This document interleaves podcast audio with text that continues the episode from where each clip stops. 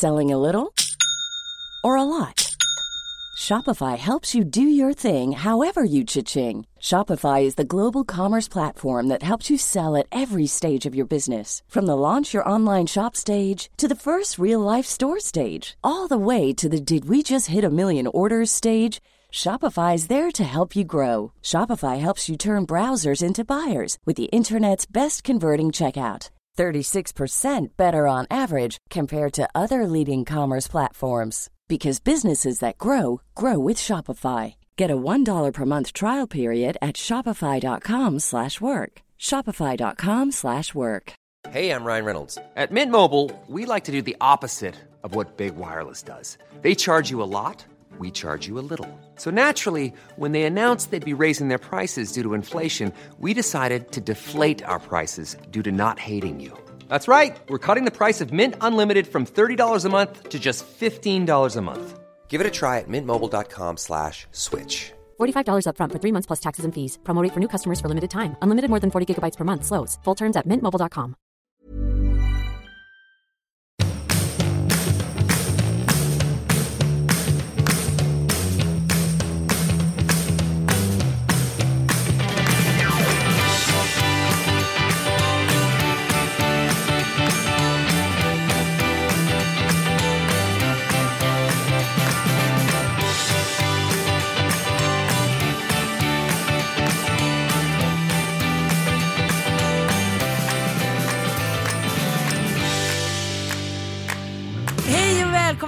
Lille Lördag. Jag känner mig stark, jag känner mig fri.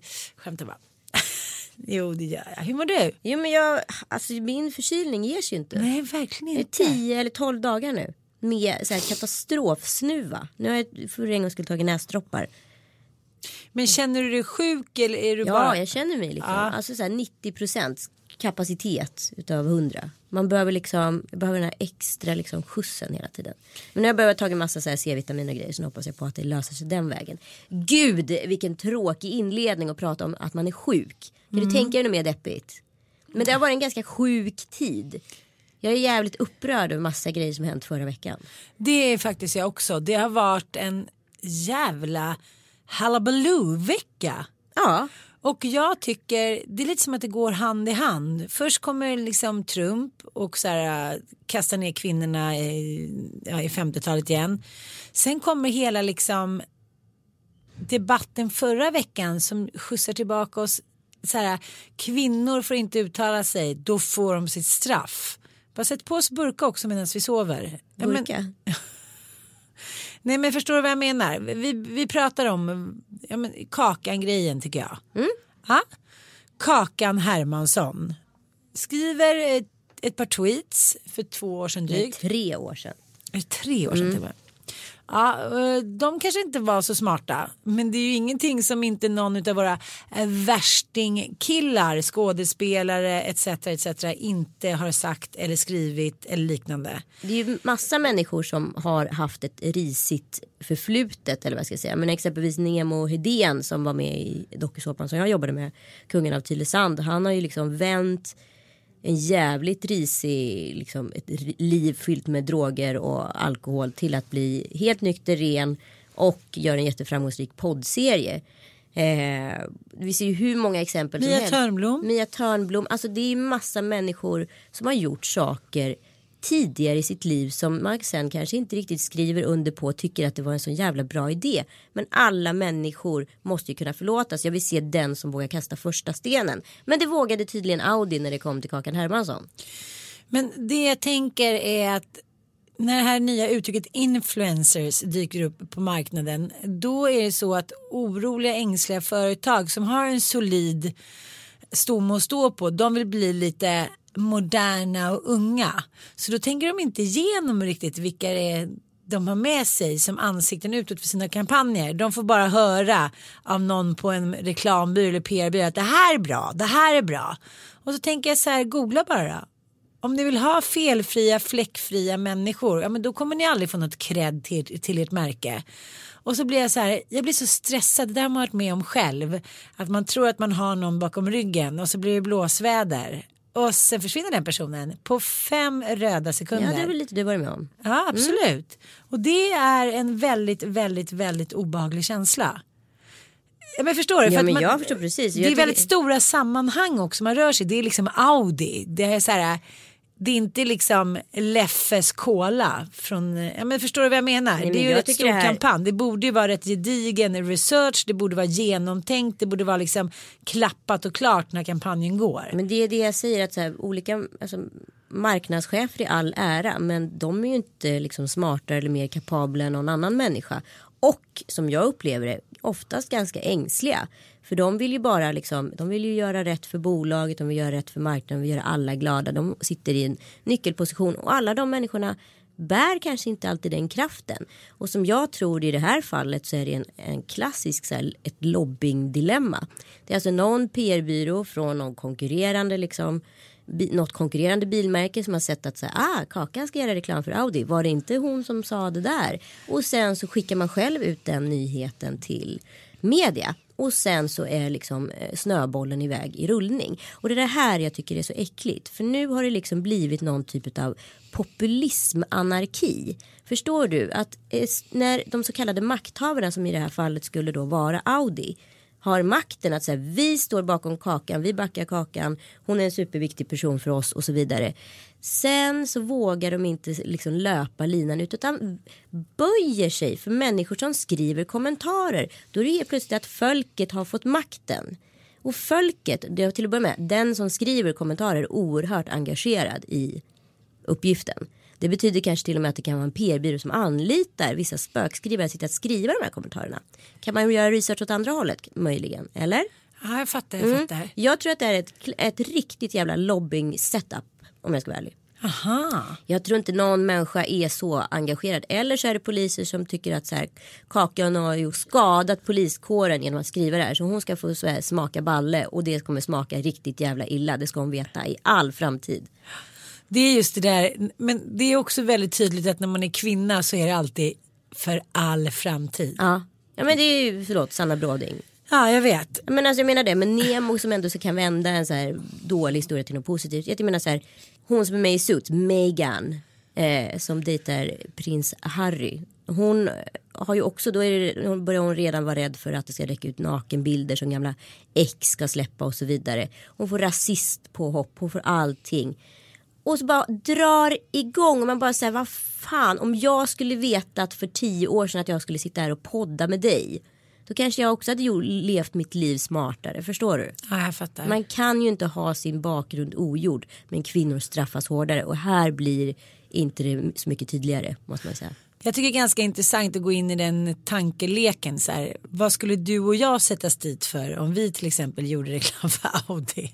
Nej, men vadå, man skulle väl säkert kunna sätta dit oss för vad som helst. Alltså jag har säkert också skrivit någon dum jävla tweet om man börjar leta i listorna. Ja men det är klart, men jag tänker så här. Vadå, man måste alltså vara helt jäkla felfri för att kunna vara med i liksom, reklamsammanhang. Känns inte det så här väldigt, väldigt svenskt? Ja, men det är så konstigt. Men det är det jag menar med den här folkkära normen. Det är ingen som är folkkär som orkar vara det. För att en folkkärhet, där får du inte sticka ut åt något håll. Du får inte ens sätta på dig rött läppstift som Sanna Nilsen. Alltså, du får inte göra någonting. Bara axlarna, Du ska gate. bara liksom bära folket och göra exakt det folket vill ha. Och folket vill inte ha någonting. Det är det som är grejen. Nej, men det är det jag säger, så, vad, vad vill de ha då? De vill ha så här korv utan ketchup, eller vadå? Ungefär så. Ja. Det känns faktiskt, jag känner så här, Kakan har skrivit i förrgår då också en ursäkt på sin blogg.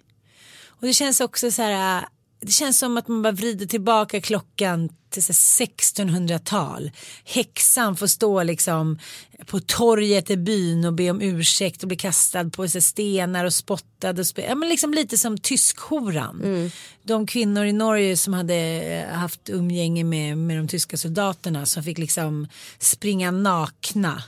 Rakas hår, de rakade deras hår så fick de springa nakna, gatlopp och så fick man göra vad man ville, kasta sten eller spotta eller slå med käppar och hit och dit. Men kolla exempelvis på fängelser. Alltså hur många män som har alltså, dömts för de grövsta jävla våldsbrotten och straff liksom. Får hur mycket fria brev som helst. Alltså det är, all- de träffar ju alltid en, två kvinnor i fängelset. Så är det ju. Och så gifter de sig där och allting. Hur många psykopatkvinnor eller liksom hårt straffade kvinnor i samma rang får friare brev? Nej, typ ingen. Nej, det är inte särskilt sexigt tycker Nej, mannen. men därför menar jag på att det finns en biologisk skillnad hur kvinnor och män straffas. Det är, handlar om det här med omvårdnad, skulle man kunna säga det. Vi kvinnor vi tror att vi måste så här, vi tror, eller det är självuppfyllande för oss att tro att vi kan rädda en man. Under tiden en man inte finner något som helst intresse av att rädda en kvinna. Skäms Audi.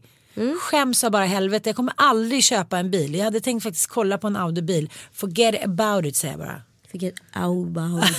Forget about it. Jag bara sitter här nu frenetiskt och tänker på nakenbilder. Jag bara, eh, har du några nakenbilder tror du? Från gamla killar? Nej, jag har faktiskt varit jävligt bra på det där. Nå, nå, någonting i mitt, ja Kalle har säkert en nakenbild på mig, men, men någonting i mitt förflutna Jag bara, har jag ändå äh. gjort om och gjort rätt måste jag säga. Nej gud, det kan rotas fram så många alltså. Åh fan. Mm, trodde man inte. Jag hittade det- faktiskt några häromdagen jag när jag hade gick igenom en- bilder. Några från Thailand. Jag ligger naken med någon blomma. En rosa blomma. Ja men du behöver ju inte heller se Ann Söderlunds nakenbilder för då berättar hon ju gladeligen om hur hon ser ut där. Så att, Ja men jag förekommer, jag förekommer. Men vi har ju inte riktigt den typen av journalistik i Sverige som så här, läcker sådana grejer. Det är ju mer tabloidpressen i England. Mm. Och nakenbild i Sverige verkar inte vara liksom det mest skandalomsusade man kan göra om man inte är en kunglighet. Nej det är sant. Men jag tänkte också att vi kunde ta upp lite med Little Jinder. Det var också spännande. Mm. Att hon så här, gjorde en kampanj för H&M, Ladylike. Och sen så äh, gick Liv Strömquist in och kritiserade kampanjen. Så här, Ladylike, vad bra. De, eh, de som jobbar på H&M liksom, de får bli avskedade, de är gravida och de liksom får slita för inga pengar under liksom vidriga oms- liksom förhållanden. Då gjorde hon en pudel. Då började hon skriva ner sin arbetsgivare. Det här var den vidrigaste kampanjen hit och dit. Den känns ju kanske inte heller helt superproffsig.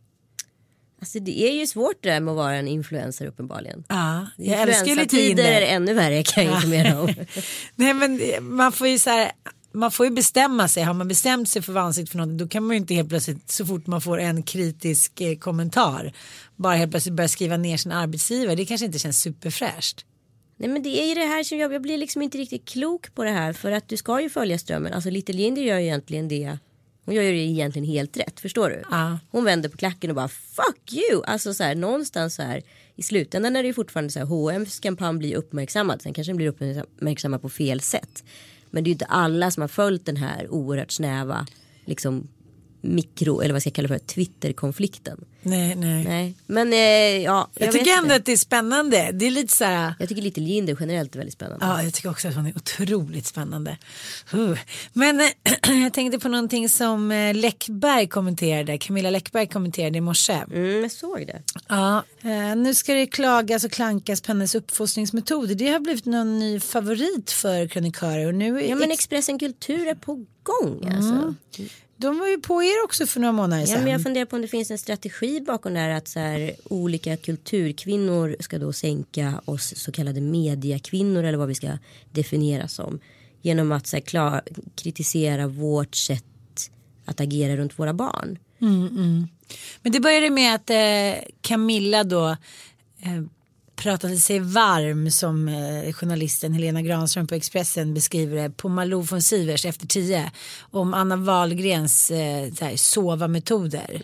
Och hon menar också på att de flesta föräldrar misslyckas med uppfostran för att man hotar och sen så vågar man inte liksom göra verklighet av disciplinen då. Så att det är bara så här som Peter och vargen barn vet att de kan bete sig hur som helst men det blir ingen bestraffning och hon tycker verkligen då Camilla Läckberg att om man då missköter sig då ska man ha ett straff som att man till exempel inte får kolla på tv eller att man inte får ha sin mobiltelefon etc. etc. Det låter ju inte helt ologiskt. Nej, men den nya forskningen påvisar ju då att både vuxna och barn som blir bestraffade, de ser det som en, som en större så här, ekonomisk bestraffning. Att så här, aha, de gör någonting, de vet vad de blir bestraffade med.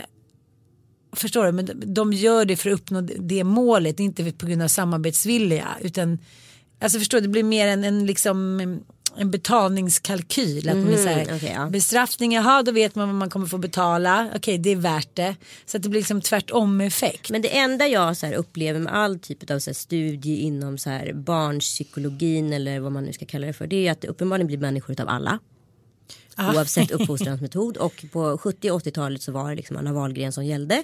Och det blev även vuxna människor utav dem som var sunda, friska, hade friska värderingar får man hoppas. Och inte satt och liksom hoppade in med huvudet i, någon, i något hörnskåp eller någonting. Liksom. Nej men och då ska jag tycka så här att hur kan man med, med så tunn materia, förstår du? Attackera en annan kvinna för att hon gör fel. För den typen av forskarrön som den här liksom som hon refererar till den här Granström i texten. Det är ju en sorts forskarrön. En annan forskarrön som finns i USA, eller i Tyskland eller i Frankrike eller, eller vad det nu är. Den kommer ju motsätta sig den. Så jag menar så här, man kan inte säga så här du har fel när det kommer till barnuppfostran. Det tycker jag liksom generellt är ganska så här, komplicerat. Man kan inte säga så här, jag kan inte säga till dig Anser, du gör fel med den eller den i din familj eller ditt barn. För att så här, för så här går det inte till. Men du gör ju vad som är bäst utifrån din familjs förutsättningar. Och som ett regelverk byggs upp inom en familj. Det är ju väldigt individuellt individstyrt utifrån så här. Det barnet, den relationen, den sammansättningen. Det är väl klart att man kan göra saker och ting bättre. Men man kan ju inte gå in och säga så här. Du ska inte använda den uppfostransmetoden för den är inget bra för er. För det vet inte jag. Nej, men det som Camilla kritiserar är ju den familjekultur som liksom råder just nu. Att barnen har blivit minipåvar. Mm. Att barnen liksom bestämmer vad man ska gå på semester, vad det ska bli för middag, eh, vad man ska kolla på på tv. Hon menar då att barn ska visa respekt och få känna vem det är som bestämmer. Men det har ju vi varit inne på flera gånger. Att det, vore jävligt ologiskt till och med att ta med sig en mobiltelefon in i skolan. Men idag är det inget konstigt alls. Alltså det är klart att det har skett någon förflyttning i samhället. Och förr i tiden, nu säger jag inte att det är rätt. För jag vet inte vad som är rätt i det här fallet. Då såg vi upp till en äldre generation och lyssnade på vad de hade att säga om saker och ting. Sen säger jag inte att de alltid vet bäst. Verkligen inte. Men idag är det ju så här. Är du en gubbe eller kärring då ska du fan hålla käften. För alla unga människor vet jävligt mycket bättre om allt i livet. Jo tack, jo tack, jo tack. Eh. Men, men jag tycker i och för sig att det finns en poäng i det här att ja, men hon säger att hon tänker på Trump när hon hör Camilla Läckberg. Det hon ifrågasätter är så här, jaha men när vi uppfostrar dem efter den här build the wall, alltså disciplin över överste kucko-metoden. Ja, d- då lär vi dem så här, bestraffning och disciplin och liknande. Men, men eh, hinner vi med eller orkar vi med eller struntar vi och visa liksom uppfostrar dem att visa Men medkänsla, varför skulle, empati. ena, varför skulle det ena utesluta det andra? Ja men det är det, ja. Nej men hon sa bara, jag vet inte, jag Men frågar blir bara, det är hennes fråga. För grejen är som vi har pratat om tidigare som jag nämnt tidigare så jag tycker det ändå är en intressant förflyttning i samhället. Det är att det enda ord vi inte fick eller enda meningen vi nästan aldrig fick av våra föräldrar det var ju så här meningen jag älskar dig. Den fick vi liksom förtjäna på ett väldigt märkligt sätt och det var många ord utom just jag älskar dig som uttrycktes. Men allt där omkring. Så Däremot fick vi ordet nej väldigt ofta utav våra föräldrar. Idag säger vi inget annat än jag älskar dig till våra barn. Men vi är väldigt rädda för att säga nej. Det är som att vi har förflyttat makten. Förstår du? Det är viktigare för oss som föräldrar att våra barn älskar oss. Och vi gör allt vi kan för att omöjliggöra detta. Ja, Att, de skulle, att det skulle finnas en risk med att de skulle oälska oss. Och därför säger vi inte heller nej. Men jag ser heller liksom, eh, jag ser heller ingen, inget liksom vad ska man säga, problem i att man både kan använda sig av disciplin och även bli liksom deras kompis. Men, Nej, men jag, jag förstår menar att jag- ändå frågan att det blir så här, du ska veta vad som bestämmer, annars så jävlar då blir det straff liksom. Ja, men det- jag, är din, jag är din chef. Men liksom, jag känner mig aldrig, jag har aldrig känt mig oälskad av mina föräldrar bara för att de aldrig yttrade det ordet. Förstår Nej, du vad jag inte jag menar? heller, Nej heller. exakt, jag kände mig oerhört sedd och det fanns jättemycket så här förbud och disciplinering, jo disciplinering i form av så här utegångsförbud och sådana saker. Men liksom det har ju känts liksom rättvist på något sätt utifrån den jävla skiten som jag ställde till med eller vad ska jag säga. Ja, ja, ja. Så här, och ja, det kanske hade funnits 300 andra sätt att komma fram till samma sak. Alltså förstår vad jag menar. Mm. Och om, om mina föräldrar hade varit super lovable så kanske de, vi aldrig ens hade hamnat i situationen där jag liksom där jag hamnade i en disciplineringssituation. Förstår du vad jag jag menar? fattar, jag fattar. Men idag tror jag att vi är så pass upplysta så att jag har svårt att se att det skulle kunna ske. Förstår du? Jag säger inte att det ena behöver inte utesluta det med det andra. Nej, men jag tyckte om man ska jämföra kanske dagens familjebildning som är då en regnbågsfamilj, vilket jag tycker är bra. Alltså det är inte det jag vill kritisera, men det var väldigt lätt för ett barn som växte upp ska man säga fram till i stort sett 90-talet och så här, se sin bild av en familj. Det var oftast mamma, pappa, barn. Eh, pappan hade en viss roll, lite the bad cop och mamma var så här det mjukare varan liksom. Nu har ju allt det förändrats på några årtionden. När liksom, ja men många, hälften av alla som gifter sig skiljer sig. Det är regnbågsfamiljer, det är en helt ny värld. En mycket tolerantare värld, inte alls lika snäv. Men det är som du säger att all, man hänger oftast inte med. Vi har ju vår biologi och vi har vår liksom, mönsterfamilj eller mönster av hur saker och ting har varit väldigt, väldigt länge. Och sen under en kort, kort, kort tid så förändras allting till någonting helt annorlunda. Ja, men det jag tycker är så tramsigt är att allt ska bara vara så superaccepterat hela tiden. Det är här, världens mest naturliga grej. Du får inte tänka en ond tanke. Om du tänker en ond tanke då ska du straffas för det. Alltså den är ju väldigt märklig så här. Vad ska jag säga så här om jag ser om jag ser Bruce Jenner som har blivit Caitlyn då får jag aldrig ens tänka tanken att det där var ju Bruce Jenner. Nej, jag fattar, jag fattar, jag är helt sjuk i huvudet om jag tänker den tanken. Och då är jag intolerant och respektlös och allting mot Caitlyn. Och jag säger så här, ja nu är det Caitlyn Jenner. Men Caitlyn Jenner har liksom i 80% av sitt liv I 80 varit, varit Bruce Jenner. Liksom. Ja, men jag tycker det där är ett, ett, liksom, ett problem overall. För att när jag så här, gick på högstadiet eller när man var liten då var det alltid några som var lite så här, extra elaka. Som så här, skulle testa hur det var att pilla sönder fjädrarna på en fågel. Ja. Ja. men du vet som, som var Asen. lite, ja men asen liksom. Och de fick också vara med. Nu är det så här om någon gör någonting som är lite över gränsen. Då är det kuratorer, då är det psykologer, då är föräldrar och barn liksom. Då är det sånt övertramp av liksom de sociala koderna för att alla är så jävla engagerade. Barnen får inte lösa någonting själva i stort sett. Det ska liksom in och klampas och tampas och jag tror att det ofta är väldigt bra men till slut blir det så här de här mönstergilla eleverna som eh, som, liksom, som vi då vill forma de här A-studenterna och A-eleverna och A-människorna. Det finns inga som kan leva upp till det så då måste folk eller barn eller ungdomar börja göra saker i löndom och då blir det riktigt riktigt farligt. Så fort det hamnar utanför liksom gemensamhetssfären och det börjar liksom ske lite i skymundan. Det är då det börjar få de riktiga problemen. Och det är de som skapas hela tiden i och med att allt ska upp på bordet. Och då ska alla vara engagerade. Jag tycker det är så Mycket otroligt. grejer är ju väldigt själv, självreglerande. Absolut. Och många grejer är inte det. Men jag säger att idag har det nästan gått till någon så här absurdum i många, mångt och mycket liksom. Mm. Men det är det jag tror barn också mår dåligt över att de aldrig känner att de kan lita till sig själva Nej, eller ha sin egen frihet. Pratade med en tjejkompis som bara men gud det är så sjukt. Det, det finns ingen i vårt radhusområde som får cykla själva till skolan. Så det är så här, när, när jag låter mina barn göra det då är det verkligen då tittar folk snett på mig så här. Mm. Jaha låter du barnen och åka själva inte det är farligt. Hon bara jaha men det har jag gjort i alla tider. Vad fan, jag lekte med så treöresmällare när jag var så fem bast. Jag skulle vilja se mig själv i penny och treöres tändstickor och går ut på gatan och tända på. Men det säger ju ändå någonting om en förflyttning. Ja, en och ändå- otrolig Och det blev förflyttning. ändå människor utav oss också. Men alltså jag älskade den där känslan av att vara så här sju, sex, sju, åtta år. Man bara hej då. Så käkar man och så drog man ut så kom Ja. man tillbaka klockan sex. Det var ingen som liksom, det fanns ingen mobiltelefon. Det var ingen som kollade vad jag gjorde.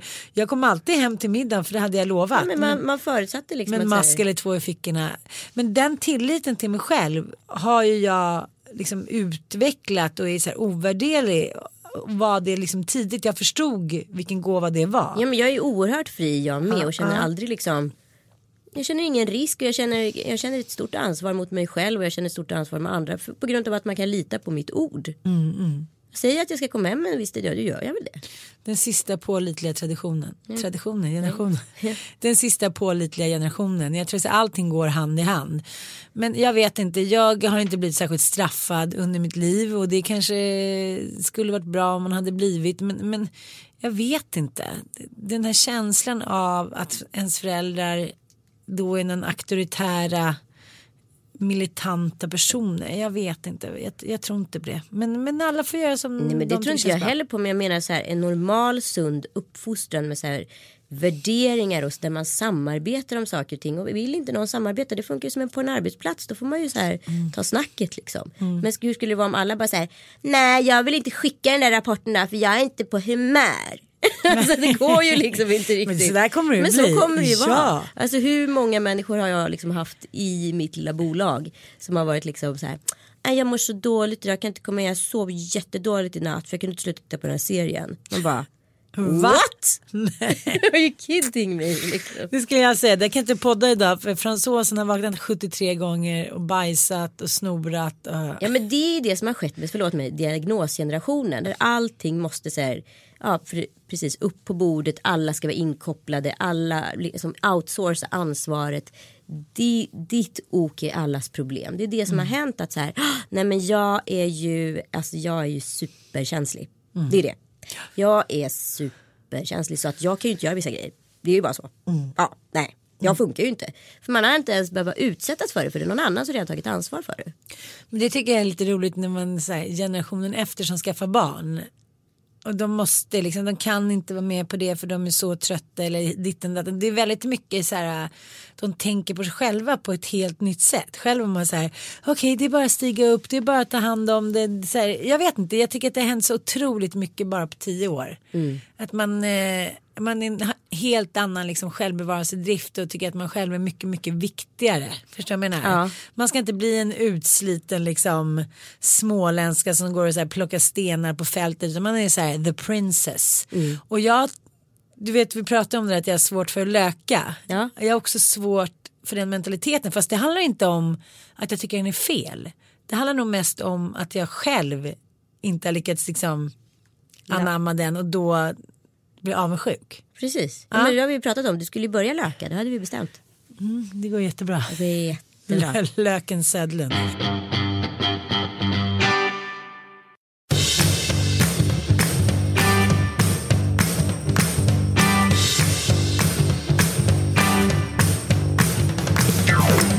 Jag var på en ganska rolig middag för ett tag sedan och då eh, sa min väninna så här.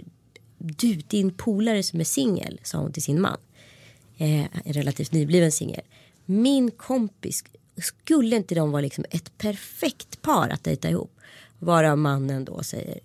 Men är du inte klok? Aldrig i livet. Och då blir det ju helt plötsligt en jättekonflikt här. För det här är då en god vän till min kompis. Eh, och helt plötsligt så inser då hon för första gången någonsin vad hennes snubbe egentligen tycker om hennes polare. För att han absolut aldrig skulle offra sin kompis för den här kvinnan. Aha, jag fattar, jag fattar, jag fattar. Så du förstår ju stämningen i rummet efter det. De var väldigt bra vänner. Ja men alltså min kompis och den här tjejen är, är jättegoda vänner. Eh, och hennes man och, har precis fått en singelkillkompis. Ja, jag fattar, jag fattar. Eh, och då vad heter det, ville ju hon dejta ihop två och tyckte att det var så här, gud tänk om vi skulle få åka på parsemester. Man ser ju hur tjejen tänker där. Jo. Man skulle få åka på parsemester med dem, fan vad härligt, underbart. Och de som är så härliga och det skulle vara fantastiskt ihop. Under tiden killen tänker så här, den här kvinnan, hon är en sån eh, tokig katt. Crazy cat lady. Henne vill vi liksom inte ha någonting med att göra. Och jag, om jag skulle ge bort henne till min kompis då skulle ju det, det skulle vara ju fruktansvärt om han skulle bli förälskad i henne. Ja, men vad slutade det med då? Nej men det slutade ju med att det blev en konflikt såklart. Jaha så du tycker så här om min kompis? Vad menar du med det? Och det är precis som man hamnar med bordsplaceringslistan på ett bröllop. Att så här, helt plötsligt måste man få reda på att så här, nej men han gillar inte alls min kompis som han sagt så mycket. Vad menar han med det? Varför vill inte han sätta ihop honom med henne? Och, vad då? Står han i högre kurs än henne? Eller? Absolut, alltså du vet det kan ju vara alltså, en grogrund till konflikt. Jag tycker många är ganska taskiga när de gör sina bordsplaceringar på bröllop. För de sätter alltid snackisen med typ gammgubbarna och För de ska gammtanterna. dra igång bordet. Ja, Det gör man ju inte. En snackis behöver en annan snackis. Ja, usch. Min kompis Jenny hon får alltid sitta med så här, ja men bordet där ingenting händer för där hon, hon kan snacka, snacka loss. Men det är väl inget roligt för en själv alltid vara så här, hej här kommer clownen. Nu ska vi ha roligt. Nej. Nu ska jag ta hand om de som är tråkiga. Jag tycker vi var på middag där hemma hos Jenny och Fredrik och de har ju eh, varsin son, eller varsin, de har gemensamma barn som är 14 och 15. Och de, liksom, ja, men de gillar att vara hemma. Så de eh, kommer man hem dit och de sitter med och käkar, sen leker de med Bobo. Sen så smsar hon dem, då kom de och plockade undan. Då kom efterrätt. Jag bara, Men gud så Ja, trevligt. Och hur drillning. har det funkat där i uppfostran? Hemma hos Jenny och Fredrik. ja men hon är ju ganska hård. Ja, och han också. Men, Mår barn så jävla dåligt utav det då? Nej, de verkar inte mått något dåligt, de verkar må väldigt bra. Men de gör ju också väldigt, väldigt mycket roliga saker tillsammans. Ja för att det funkar, de kan samarbeta. Precis, där tror jag man har liksom the golden secret. Att man kan inte bara vara auktoritär och så här dömande och straffande. Om Det man måste inte... finnas perks. Ja precis, det måste också finnas det mjuka värdet att så här, jag begär och kräver det av dig för att då kan vi också ha det mysigt när vi gör det där. Till exempel åka till New York eller hänger på landet eller vad det nu är. Ja, Men jag tror att det kan ligga någonting i det som Elena skriver att man så här, man hinner bara vara liksom the soldier. Alltså förstår jag menar? Gör man? Nej men jag tror att hon menar så här om man bara hinner med den där liksom disciplinmetoden bara för att idag så har vi kanske inte lika mycket tid som våra föräldrar hade. Nej. När man kunde leva på en lön och det var så här lite mer hippieanda. Eh, då kanske man bara sätter ner foten och liksom, "Ja, men nu får jag göra så här för att man inte hinner även den där mjuka delen. Då kan det nog bli ganska förödande. Förstår du vad jag menar? Ja, jo, men jag ser, jag ser absolut man kan hamna i den typen av mönster. Absolut. Jag vet att under en period när jag eh, när vi kom in i något så här, vad ska jag kalla för, ett hotmönster, jag och Penny. Du får inte göra så, du får inte göra så, du får inte göra så. Alltså, så då helt plötsligt sitter man, sitter man bara och så här särskådar barnet och bara tittar på vad det gör.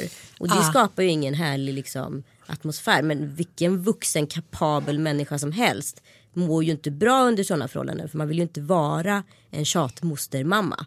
Men varför blev det så då? Nej men för det börjar med, alltså det handlar ju om trotsåldern också. Det börjar ju med trots. Eh, och sen så blir det liksom gränstestning. Och då ska jag liksom markera var gränsen går. På, Ja. på ett sätt att så här, tillrättavisa. Så här, du får inte göra så, nej, ställ ner den, plocka, plocka bort. Nej men vad, vad gör du nu? Men nej nej nej men vänta lite nu. Alltså helt plötsligt kommer mamma rösten på liksom. Och den hatar jag hos mig själv. Och då hör man ju till sist, men jag kan inte, alltså jag når ju ingenstans. Det, uppenbarligen så hjälper ju inte det här. Och då måste man ju omvärdera. Jag vet ingen människa som så här, som inte typ är general som liksom utövar liksom kommando uppfostran eller vad jag ska kalla det för. Ah, ah. Ställ ner fatet nu. Alltså det går ju inte liksom. Men jag har insett också att Bobban är ju mer så här med ordning och reda på honom än min andra barn. Han säger tar undan sin tallrik, tack så mycket, varsågod mamma. Jag bara, men gud. Får du dåligt samvete då? Nej men jag, jag förstår också hur mycket det handlar om tyvärr att båda föräldrarna finns där väldigt mycket. För att eh, få tre barn på fyra år och liksom skakig relation och mycket jobb hit och dit. Ja, det var ju så släcka bränder och hoppas på det bästa ungefär. Och nu är det absolut inte så liksom. Och nu är vi även farmor och farfar och hit och dit. Och eh, de är ju som små apor. Jaha, nu säger farmor och farfar så. Tack så mycket, varsågod. Nu ska jag sitta här och äta mitt ägg. Och det är så här, vi satt vid köksbordet igår i två timmar och käkade frukost och Bobban sitter bara där med sitt ägg och han får lite te och du vet, det är som chock för mig. Istället för att det är bara så här dugg, dugg, tre hundvalpar som liksom snurrar runt och kastar typ skorpor på varandra. Det, ja, det är ju verkligen tid som gör mycket men man har ju inte alltid tid. Det är det som är problemet liksom. I den bästa världar så skulle man ha det som på 70 80-talet. Men det har man ju inte. Jag tycker att den där balansen är skitsvår. Ah. Nej men jag tror alltså utan att eh, låta som någon så här kvinnoförtryckare så tror jag att det finns liksom det finns en vettighet i att en förälder oavsett om det är mamman eller pappan är hemma med ett barn mer än den andra föräldern. För någon måste alltid finnas där som en brygga som kan liksom koordinera och lösa och stödja liksom på ett sätt. Ja. Eh, är båda borta hela tiden och outsourcar det där på barnvakter och det kan man säkert göra. Men liksom du, du förlorar ju den här familjeintimiteten där med också. Det går ganska snabbt. Jag menar, Det är ganska fort att göra någon otrygg. ja. Men Tom Allan, ni var ju borta typ i 11 dagar. Det var väldigt, han har aldrig varit borta från Penny så länge va? Nej men du vet han pappa. kollar alltså på så här, tjejer är bäst videon varje morgon och säger så här, pappa Kalle och tittar på bilder på pappa Kalle. Alltså han är en sån familjekille va? du vet, det gjorde verkligen ont i hjärtat att se hur mycket han saknade sin syster och sin pappa. Alltså den här lilla två och ett halvt-åringen så fullständigt medveten om sin tillvaro. Alltså det är verkligen, och just när han är väldigt pappig fas. alltså det var ju väldigt så här, tufft att så här, vara iväg just därför att. Liksom. Ja, men det är lite som nu att jag tycker att det är svårt att sova med bara fransosen för att jag är så van vid att vi alla ligger i samma säng. Mm. Det blir rätt, vi har ju en 80 säng, det är väl inte jättemycket men det blir ändå, annars brukar man ju knäa sig i någon arm där och det ligger alltid någon in till en. Nu ligger jag ju och minifransåsen, det blir liksom lite tomt. Och jag vaknar och gud jag drömmer konstiga drömmar och hit och dit så jag försöker få in Bobban och så kommer han och ligger en stund och så Pappa, pappa, för pappa är ute i vardagsrummet. Då vill han liksom att de ska gå in till hans rum och sova. Mm. Och jag sover inget bra. Nej, Det är nej så men jag konstigt. med. Och Jag har liksom gett upp det där lite nu. Jag har varit så himla hård under en period och tänkt så här, nu jag ska sova på eget rum, vad är problemet? Sen nu känner jag bara så här, fan, de kan väl lika gärna samsova, det spelar väl ingen roll. Den här tiden i livet är ju på riktigt begränsad. Ja. Varför ska inte jag få ligga i samma säng som mina barn? För det är mysigast som finns att så här små snosande ungar i sängen. Ja, det är inte så att man så här, hänger liksom i takkronorna och så här, knullerullar dygnet runt. Nej, därför ska man ha, det sköter man ju ändå på tre minuter, oftast någon annanstans. Exakt, det brukar lösa sig. Nej, jag håller med dig och jag har några kompisar, de har sin dotter i, jag säger men gud hur gör ni då när allt händer där? Nej, men då lägger vi ner henne på liksom på en madrass på golvet. Det är inte så att man ligger och skriker så här! Nej, men jag fattar inte vad barn. folk tror att man ska ha för typ av sexliv. Eller framförallt vad man har för bild av det sexliv man hade innan. Det var ju mer ljudligt, det kan Jo men det var väl mer ljud men fortfarande. Jag, jag tror aldrig jag- ett samlag någonsin i mitt liv har pågått över liksom 40 minuter. Nej, det har jag inte gjort. Nej, det du- kanske har varit flera gånger. Ja, som blivit 40 minuter, fyra gånger 10. Måste bara fråga dig, de här bilderna du ut på Instagram när du har en sån här virtual reality mask. Mm. Mina barn önskar sig det i julklapp. Ja det var ju fett alltså. Var det det? Ja. Ja men berätta då. Nej men alltså att jag blev så ändå så fascinerad av att det är så lite som krävs för att jag skulle tro att jag var på en sandstrand. Jag hör liksom ljuden eh, och jag liksom ser sanden men, men jag känner liksom inget vinddrag i ansiktet, jag känner inga dofter men ändå så tror vad ska jag säga, 85% utav mina synapser i hjärnan att jag är på en strand. Nej. Jo, alltså det är så häftigt. Och då tänkte jag verkligen på det här. För att eh, de som är mest framskridna inom VR det är ju såklart porren. Ja. Och då tänkte jag, Just den dagen en dildo kommer kunna ersätta en vanlig penis. Då lever mannen på riktigt farligt. Okej, men då får man ju ett ganska ensidigt sexliv. Det blir ingen så här äh, slickericke eller kyssa utan då blir det ju penetreringen som blir viktig. Ja absolut, så finns det väl tusen hjälpmedel för det där. Men du kan ju i princip gå runt i rum där folk knullar med varandra. Och titta på det. Ja men alltså vad jag menar, så här, det skulle kunna vara äggande nog. Ja men vadå, kollade du Nej nej, någonting jag, på porr? nej, nej, jag satt på en familjemiddag. Det var inte riktigt läge. Du bara, Nej, Det hade ju varit men- roligt i och för sig. Nej men jag tänker verkligen att så här, fan, man, kuken lever farligt. ja. Ja men särskilt också när man kanske kan få lite längre älskog. Än tre minuter menar jag. Ja ja, gud ja. Virtual reality den kan ju hålla ja men på det är menar. i timmar. den ersätter ett befintligt så här, snittsamlag som kanske rör sig runt sex minuter. Så då, då, heter det, ja, då är det ju liksom riktigt, riktigt Jo fast jobbigt. vadå, ska man anställa någon då som penetrerar en? Eller har det får man aning. göra själv? Jag har ingen aning. Ja, Jag bara tänker på de där oöppnade sexleksakerna som ligger hemma i garderoben. Det kanske är det. Jag ska, jag ska lämna Mattis. För, för en dildo, en dyr dildo. Tager du herr dildo. Ska inte underskatta sånt där tror jag. Nej. Men vet du vad jag har skaffat hem? Det här har liksom löst väldigt Butterfly. mycket problem för mig. Vad? Alltså jag är så jävla nöjd. Jag har alltså skaffat en app som gör att jag kan låsa upp mitt hem, hem var, oavsett var jag än är. Och jag kan sitta i Los Angeles och låsa upp min dörr hemma. Men det är det jag har kollat på. Det är den stora lösningen för mitt liv. Med Ja. alla ungar. Nu ska jag inte säga att det aldrig är låst hemma hos mig. Men det går inte att ha så här många barn med Exakt och nycklar. så många nycklar. Alla har liksom, du kan bara liksom ha en app i din telefon så bjuder du in dem som ska ha tillgång till ditt lås. En och det, kan vara, det kan vara liksom på lång tid och det kan vara på kort tid. Det kan vara så här, ja det kommer ett bud idag och ska lämna grejer mellan så här, 10 och 15. Så ringer han dig och, du säger, och säger att han står utanför. Då heter, det, öppnar du dörren med hjälp av din app och så släpper du in budet och sen så hör den här personen stänger dörren och så låser du dörren. Men kan jag sitta i Afrika med dig och göra Ja. det? Men alltså jag måste göra det här nu. Vad heter det? Glue. Ja det heter glue. Ja. Jaha jag trodde glue up. Gud jag tänkte helt fel. Jag tänkte att det var någon sån här skönhetsgrej. Men det är alltså den här nyckeln. Alltså det är en upp. Man kan sitta med en app på telefonen. Ja, och sen har du en vanlig nyckel hem också så om du liksom mot förmodan inte vill Ja, öppna ja. liksom, låset digitalt med hjälp av din telefon så kan du låsa upp dörren precis som vanligt också. Så det är inte så här, ena utesluter inte det andra. Men exempelvis om vi har så här en barnvakt som kommer, ska hon verkligen ha en nyckel då? Hon har redan tappat bort den två gånger. Eh, Jag menar, då är det mycket bättre för oss att kunna liksom, ge henne en app-access att låsa upp dörren med. Jag vet men jag hade ju ett sånt där lås förut som man skulle trycka in en kod. Men här behöver man inte ens liksom. jag Ingen behöver kod. inte ens gå hem. Nej, Ja, jag måste ha det där. Det där kommer förändra mitt liv. Det är det Mattias pratar om hela ja, tiden. men Ja. det är så jävla bra. Jag är så sjukt nöjd. Mitt liv har blivit väldigt mycket lättare. Mitt kommer också snart bli det. Ja. Ja, nu är vi klara för idag. Ja men det tror jag va? Ja, nu ska vi på mammagala ikväll. Ja, spännande. Det kan vi skvallra jättemycket om. Ja, hamstern ska med. Du säger att min son ser ut som en Jag ser hamster. ut som en gullhamster just nu. Vi kommer att ordna upp sig det där. Men de är fan inte så söta i den här åldern. ska man inte glömma bort. Fransosen är väldigt gullig. Han har gått lite åt hamsterhållet, jag håller med. Men det är så mina barn med Mattias. Det är liksom, de går genom olika faser. De är väldigt gulliga, sen går de hamster, katt.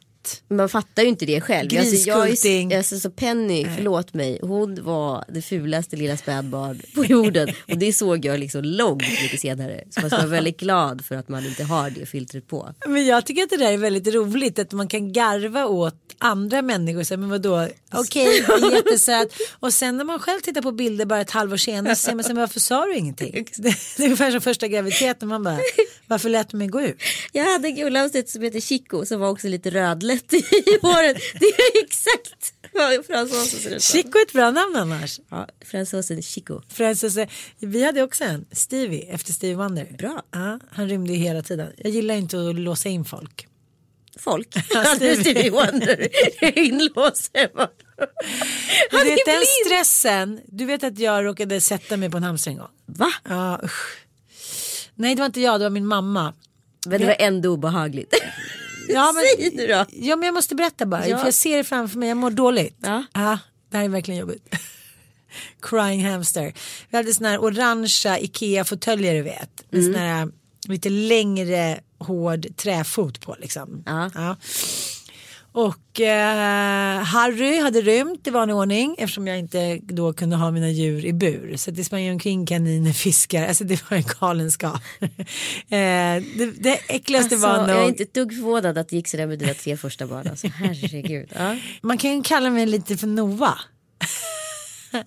jag var ju en arke, arkekvinnan. Arketyp. Arketypen. Nej men jag kunde ju så här vara i stallet med kompisar och ta hem en katt. Jag är väldigt into animals. Men, eh, Men alltså du är en hoarder när det kommer till disappeared. människor, djur och möbler. Det är så obehagligt. Du samlar på ting och är kär i ting. jag, jag vet jag har tänkt på det senaste tiden. Jag blir typ kär i saker. Nej men jag vet det, det är så perverst. Och nu så samlar du på barn. Pojkar. Jag bara, jag har snurrat spermierna, jag vill bara ha pojkar. Snälla, galen. snälla, snälla. Nej men då hade jag en hamster som hette Harry och så hade jag vandrande pinnar som rymde. Ja, jag kan tycka att det kanske inte var jättekul för mina föräldrar. Och fiskar. Jag, jag tog mig an allt. Jag frågade aldrig innan heller. Men då var Harry ute och sprang och sen så var mamma så här, men gud vad är Harry, vi måste hitta honom. Och sen så tittade hon under och så trodde hon att han var under fåtöljen. Och så satte hon sig ner så här, man så här Ja du vet, vad heter sådana där uh, kycklingfiléer? Det var lite som när lammen tystar, minns som när lammen tystar.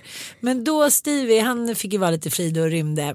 Och jag var på ett jobb i Göteborg, det här var inte alls länge sedan. Och jag blir så uppstressad när jag inte vet vad mina djur är. Men vadå, när bodde Eller när Stevie mina hemma hos dig? pinnstolar. Och... Stevie bodde hemma hos mig, det är bara några år sedan. Innan jag separerade från Nanook. Jaha. Ja, då Vad hände med Stevie. Sen? Flyttade han till tant i Värmland? Stivig, eh, Stivig. Eh, han dök upp igen. Jag fick en bild bakom soffan där han sa att han hade överlevt en vecka. Han satt och käkade på ett popcorn. Men sen tog vi med honom till Gotland och sen skulle Ossian bygga en liten utomhusbur. Alla en centimeters höjd. Så då försvann han. Så att, eh, nej, sen dess har vi inte sett Stevie. Nej. Nej, men Vad fint. Det Det går bra med dina djur. Jag hör att de, du tar hand om dem. På... Plutten 1 och Plutten 2, mina kaniner. Ena fick cancer. Den andra rymde. Rymde med citationstecken. Nej, mamma gav bort den. Eftersom den fick vara fri då så förstörde den hela inredningen, nya skinnsoffan, sladdar. Alltså du lever liksom som en pundare fast du är höginkomsttagare. Nej, men jag har ju inga djur längre. Du är ju morrad. Det var det jag kände när jag kom med min nya kappa. Den är blå. Så tittade Mattias här på mig. Jag bara, du tänker att jag är morran? Han bara, nej jag har inte sagt någonting. Tack för oss. Puss och kram, hej